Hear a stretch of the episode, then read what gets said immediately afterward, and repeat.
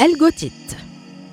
أنا أحد المعدنيات التي تتكون من هيدروكسيد الحديد وتحديدا هذا يعني الصدأ الذي نعرفه جيدا ويمكن القول إنني الحديد البني.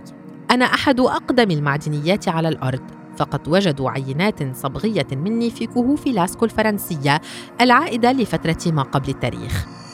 تم وصفي للمرة الأولى في العام 1806 في ألمانيا. وأعطيت اسم الموسوعي الألماني يوهان فولفغانغ فون غوتي غالبا ما أتكون من اهتراء المعدنيات الأخرى الغنية بالحديد. بالتالي أنا شائع الوجود بشكل كبير في التربة مثل رواسب المياه الجوفية ورواسب البحيرات وفي رؤوس الينابيع وعلى أرضيات الكهوف. أنا متوسط الصلابة.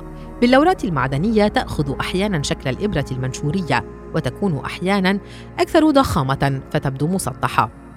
استخدامي الحديث هو خام الحديد. توجد رواسب مني في إنجلترا وميزوري وجورجيا في الولايات المتحدة كما تم العثور على عينات كبيرة مني في فوهة في كوكب المريخ تسمى جوزيف بواسطة المركبة الفضائية سبيريت التابعة لوكالة ناسا الفضائية.